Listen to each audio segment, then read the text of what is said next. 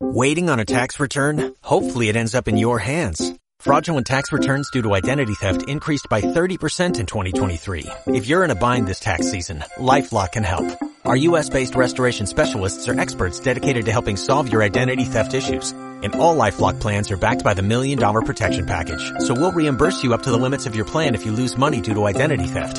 Help protect your information this tax season with LifeLock. Save up to 25% your first year at LifeLock.com slash aware. El senyor Gardiner havia arribat feia poca ciutat i havia deixat enrere el seu poble on mai no succeïa res d'extraordinari. El senyor Gardiner es deia que havia de veure món i aprendre un grapat de coses que, ben segur, li havien passat de llarg. Així que, sense pensar-s'hi, va comprar-se un transistor. No volia que se li escapés res, ni una sola de les notícies del dia. Segur que n'hi podria haver alguna que li interessés. I així va ser, perquè tan pom punt va engegar l'aparell va escoltar un interviu a una fisioculturista, vés a saber què devia ser allò, en què parlaven de la cultura del cos i del fet que tothom havia d'obligar-se a cultivar-lo. El senyor Gardiner va parar orella. Ell, de cultura, va dir-se, ja en tenia prou. Ara, allò de cultivar el cos el va fer rumiar. La ràdio afegia que els gimnasos eren plens de gent que cultivaven el seu cos i que, a més a més, es divertien, feien amics i aconseguien l'admiració de tothom. Allò, pel senyor Gardiner, va ser tot una revelació. Si era precisament el que ell li feia falta, divertir-se, fer amics i aconseguir l'admiració de tothom així que va apuntar-se el nom del gimnàs que anunciaven i aquella mateixa tarda, a primera hora, va anar-hi a inscriure's.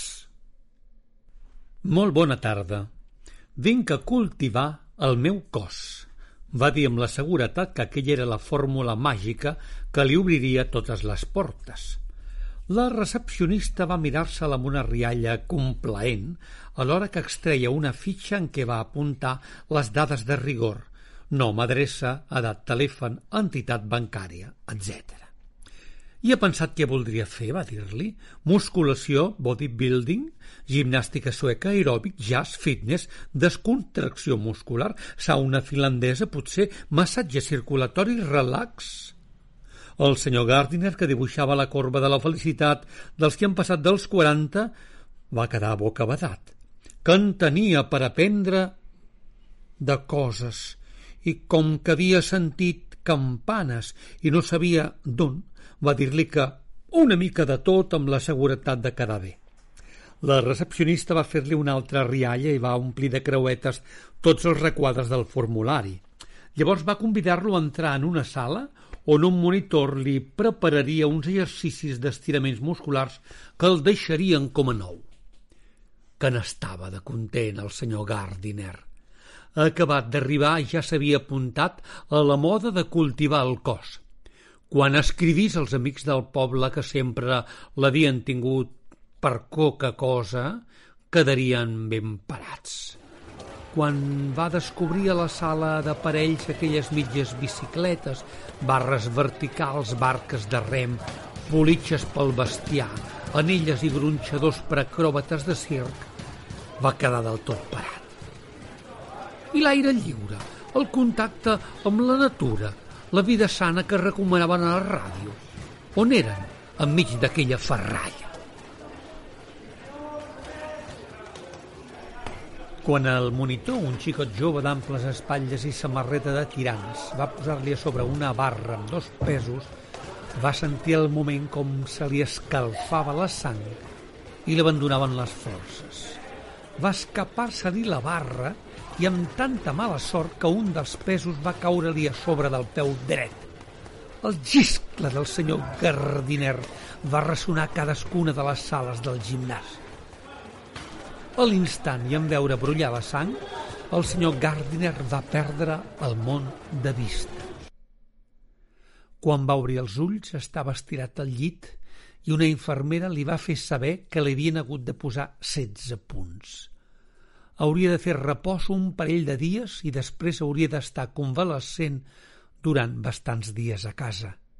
Quan sortís de l'hospital, li regalarien dues crosses de disseny per tal que no recolzés el peu a terra.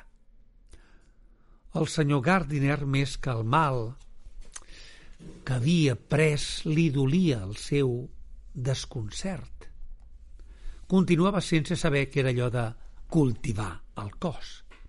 És que primer calia fer-lo bocins per després recompondre'l peça a peça.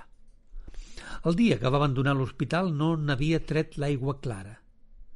Seguir les modes, va pensar, resultava massa dolorós. Havia, doncs, de renunciar-hi? De sobte el senyor Gardiner se li feu la llum. Ell venia de família de camperols.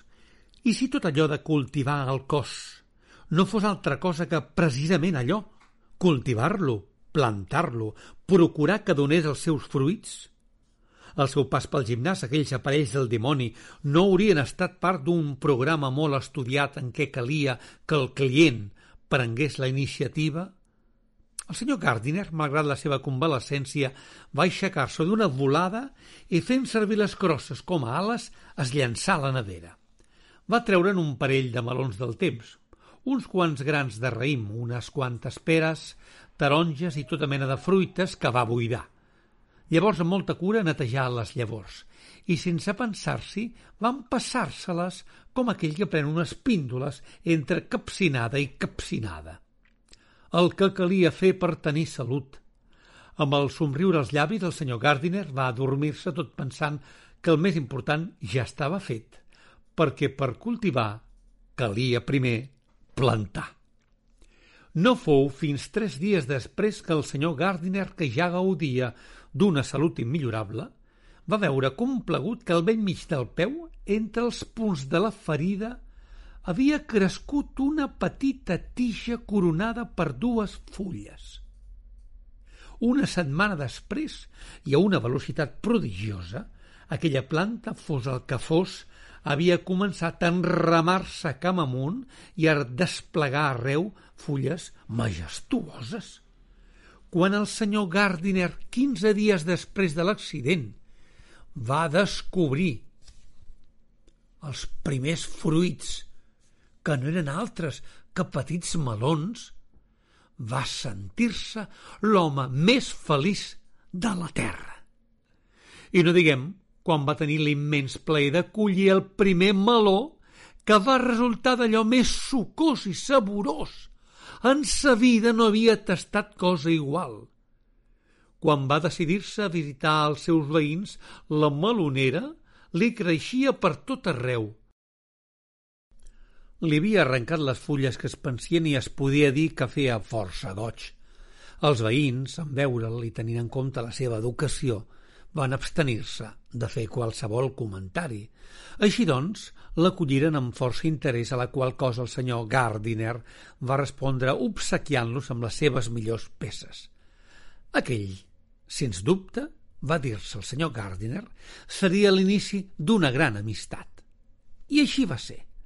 En tastar aquells melons criats d'una forma natural, collits directament de l'hort, el senyor Gardiner aconseguí que se li obrissin totes les portes del veïnat i que el convidessin sovint a menjades, festes d'aniversari i reunions d'amics on no faltaven mai les postres més saboroses.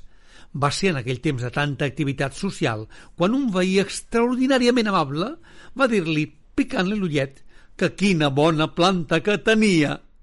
El senyor Gardiner aquell dia va lligar caps i per fi va sentir-se realitzat. Havia entès finalment que era tot allò de cultivar el cos. Aquella mateixa tarda va enviar un parell de melons al gimnàs amb una targeta d'agraïment. També va ser a la meitat de l'estiu quan, a causa del volum creixent de la seva melonera i de les dificultats lògiques de transport, va iniciar de manera casual el comerç del canvi, com en els temps més pretèrits. El senyor Gardiner va bescanviar els seus melons per un plat de peix acabat de pescar. Aviat els canvis li reportarien tota classe de llegums, ous, carn o peix, tota mena de rebosteria selecta i tot allò que li fes falta. Va ser tan alta la seva popularitat que fins i tot el nomenaren president de la comunitat de veïns, cosa que l'ompli de satisfacció. Però la felicitat és poc duradora. En acabar l'estiu i quan més content se'l veia, la melonera del senyor Gardiner es va assecar. Una a una va perdre les fulles i un bon dia de la tija poderosa i enramada només en quedar un senyal de la mesura de la picada d'una vella. Era aquella la fi del senyor Gardiner de la seva envejada situació d'una manera d'estar en contacte permanent amb la natura i la vida sana? Hauria d'enfonsar-se de nou en la mediocritat de l'existència humana? Però la natura, que és sàvia, no va necessitar ni dos dies perquè una nova tija i aviat noves fulles omplissin el buit deixat per la melonera. No us podeu ni imaginar la nova felicitat del senyor Gardiner en veure créixer una nova planta que va resultar, davant de la seva sorpresa, un cep majestuós amb el raïm moscatell més bo que ningú no hagués tastat mai. De nou la casa se li omplí de visitants generosos que li deixaren tota mena de diandes i presents. Per Nadal, fins i tot, un titot que preparà, no cal dir-ho, farcit de raïm. De nou, al pas de les estacions, la història es repetí. Una nova planta ocupà el lloc de la vinya. Fou així com el senyor Gardiner s'omplí de les flaires de la tarongina. A ell, L'apassionaven, les taronges, i tan cares com anaven, i després amb la primavera foren cireres del color de la sang, i després presses i albercocs, pomes i prunes, i aviat foren les peres llimoneres les que il·lustraren el seu jardí. Hi hagué fruita per tothom, perquè la fertilitat del senyor Gardiner, sempre desbordant, semblava assegurada i després de les peres tornaren els melons, i després el raïm, encara més bo que l'any anterior, i de nou taronges i cireres. Amb el temps el senyor Gardiner va acabar obrint una fruiteria, ja que de fruites de color i de gust com les seves no n'hi ha encara en lloc. De cultivar el seu cos, el senyor Gardiner en faria la seva fortuna.